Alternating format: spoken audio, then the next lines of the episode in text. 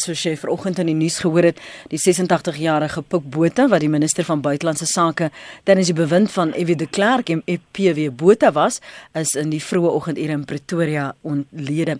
Hy het van 1994 tot 96 in oud-president Nelson Mandela se kabinet gedien as minister van minerale en energie sake. Hy is verlede maand in die Unitas Hospitaal in Centurion opgeneem weens swak gesondheid en ons praat vanoggend kortliks met twee oud kollegas. Ons praat eerstens met Dr Dr Leon Wessels en ons ander gemedelee met die verlies vir Suid-Afrika maar ook vir jou as 'n as 'n vriend en oud kollega Dr Wessels, hoe sal jy hom onthou? Baie dankie Lenet, ek was bevoorreg om Pik Botha se adjunkminister weer te wees uh, net nadat uh, ek weer die klerk staatspresident geword het en daar's drie uh, eienskappe wat uh, wat uitstaan. Die eerste een is dat uh, Pik geweldig versiende was. Uh, sy nooiingstoespraak het Suid-Afrika gewaarsku dat die toekoms sal gebou word rondom die universele deklarasie van menseregte. Nou daardie deklarasie en Suid-Afrika het nie 'n goeie verhouding met mekaar gehad nie in die sin dat Suid-Afrika in 1948 buite stemming gebly het en van jaar vier ons die 70ste verjaarsdag van daardie deklarasie. Die uh, Pikse kollegas het in 1970 vir hom gesê dit was die regte toespraak op die verkeerde tyd. Maar die tyd het inderdaad uitgewys dat dat Pik korrek was. Tweede eenskap is dat Pik Botha het geen onreg hoegenaamd verduur nie. Hy het 'n besondere fyn aanvoeling gehad vir enigiets uh, wat sou uitloop op op vernedering of diskriminasie van iemand het sy in die politiek of of andersins. En derdens uit 'n uitsonderlike vermoë gehad om moeilike situasies te sien aankom en dan brûe te bou ten einde daardie situasies te ontlont. Ek uh, onthou baie goeie geleenthede waar hy en Tabo en Becky toe Tabo nog uh in ballingskap was saam aan 'n program sou deelneem oor Amerikaanse televisie en hy die inisiatief geneem het Tabo gebel het en hom gesê luister nou mooi ek weet ons gaan verskil maar die manier waarop ons vandag hier oor televisie kan verskil sal aanduidend wees vir die toekoms hoe ons met saamwerk met mekaar. Hy was dis iemand wat baie diep spore getrap het en enige persoon wat die voorreg gehad het om hom van nader by te leer ken, uh sal hom altyd onthou. Sy regs agtergrond het dit hom 'n natuurlike keuse as diplomaat gemaak? Ek dink dit het saamgeloop uh met mekaar. Pik het 'n natuurlike aanleg vir die diplomatie gehad en uh hy het uh, die regs beginsels so geplooi dat dit nie verneig toegepas word nie maar dat dit ingestel word op skikking regsbeginsels uh afhangende van hoe jy dit bedryf kan altyd op 'n bekleiere uitloop. En pik het altyd die die die ander roete geloop naamlik om regsbeginsels so te verstaan dat dit in die beste belang van beide partye was uh wat op 'n gegeewe moment in konflik met mekaar gestaan het.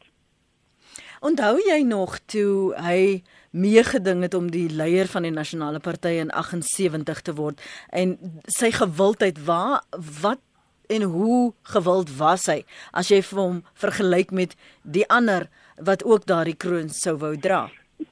Ja, ek onthou ek ek ek, ek onthou dit baie goed. Ek mm. was 'n agterbanker in die parlement en ek onthou uh die na afloop van daardie van daardie dag se verrigtinge uh was daar 'n klein intieme byeenkoms in 'n restaurant gewees en hoe die eienaar van die restaurant na vore gekom het en vir Pik gevra het om vir hom iets te skryf in sy dagboek en Pik het daarin dan geskryf en en sy emosies van die dag met die persoon gedeel. Ek onthou dit soos gister waarin hy onder andere gesê dat was dit was 'n dag van geweldige teleurstelling en spanning, maar hy onthou op die innige vriendskappe wat daardie dag gesmee is.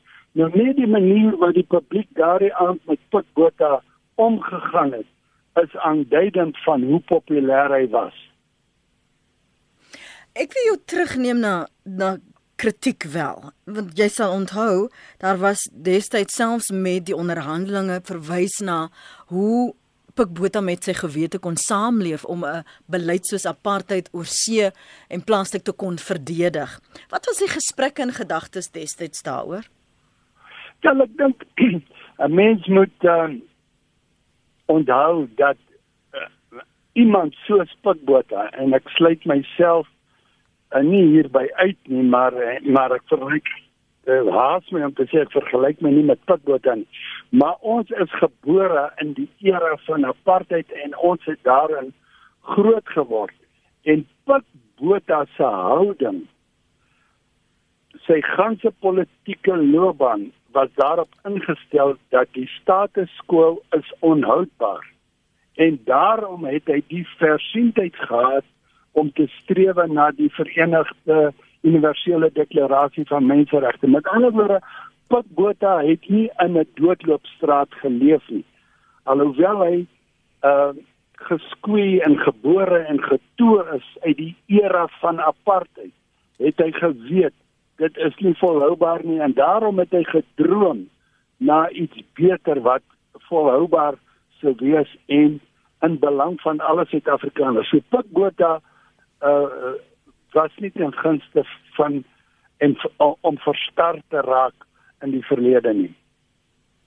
As jy kyk na 94 96 toe ons daardie oorgang gemaak het, wat was sy bekommernis destyds en in hoe hoe's hy gesien veral deur oudlede uh, in ondersteunings van die nasionale party was het hulle hom ook gebrandmerk as 'n uitverkoper?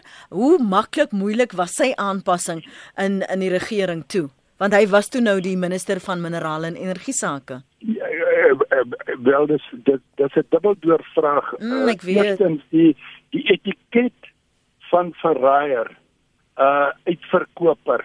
Uh is 'n goedkoop uh, etiket wat maklik gebruik word. Daardie teerkwas kan maklik getrek en op mense gever word. Maar wanneer jy met die substansie van die etiket probeer omgaan, dan raak dit 'n effe 'n effe moeilik. Party mense dra swaar in daai etiket. Pikbote het nie swaar in daai etiket gedra nie want hy het eenvoudig geweet daar was nie 'n alternatief nie.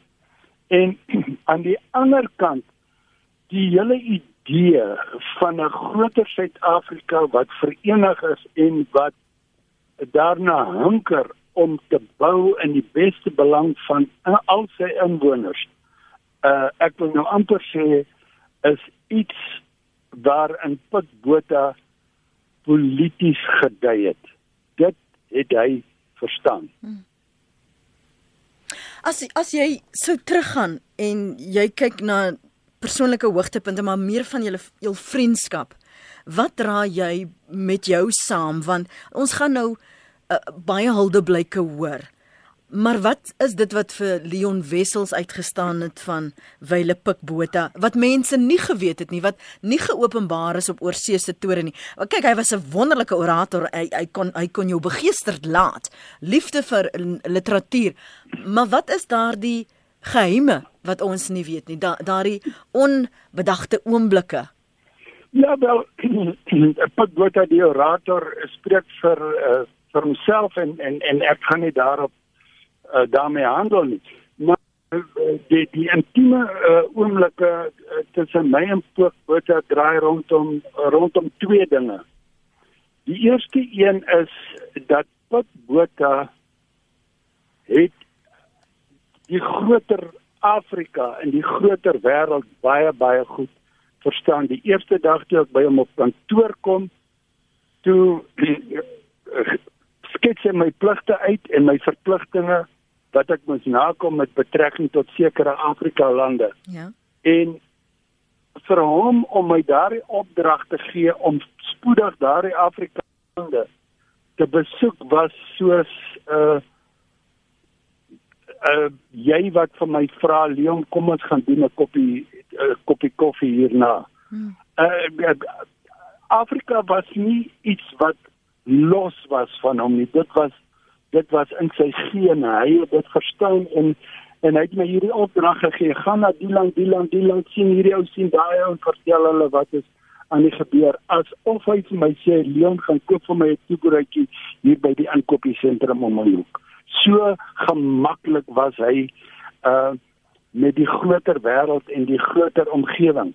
Die die tweede ding was dat Piet Botha kon in 'n kabinetsvergadering sit en hy kon luister na wat daar gebeur en hy sou elk bewus wees van elke besluit wat daar geneem word en terwyl hy dit doen kon hy in die helderste taal 'n brief of 'n memorandum skryf.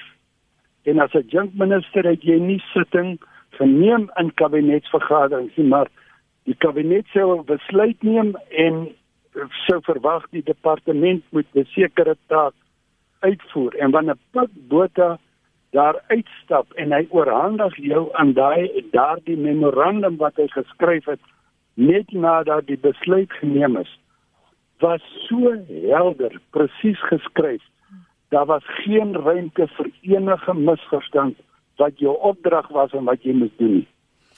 Dr Leon Wessels baie baie dankie vir die kort genesewing dat jy beskikbaar was om in hierdie tyd met ons te gesels hier op RSG se praat saam ons waardeer jou inset. Baie baie dankie.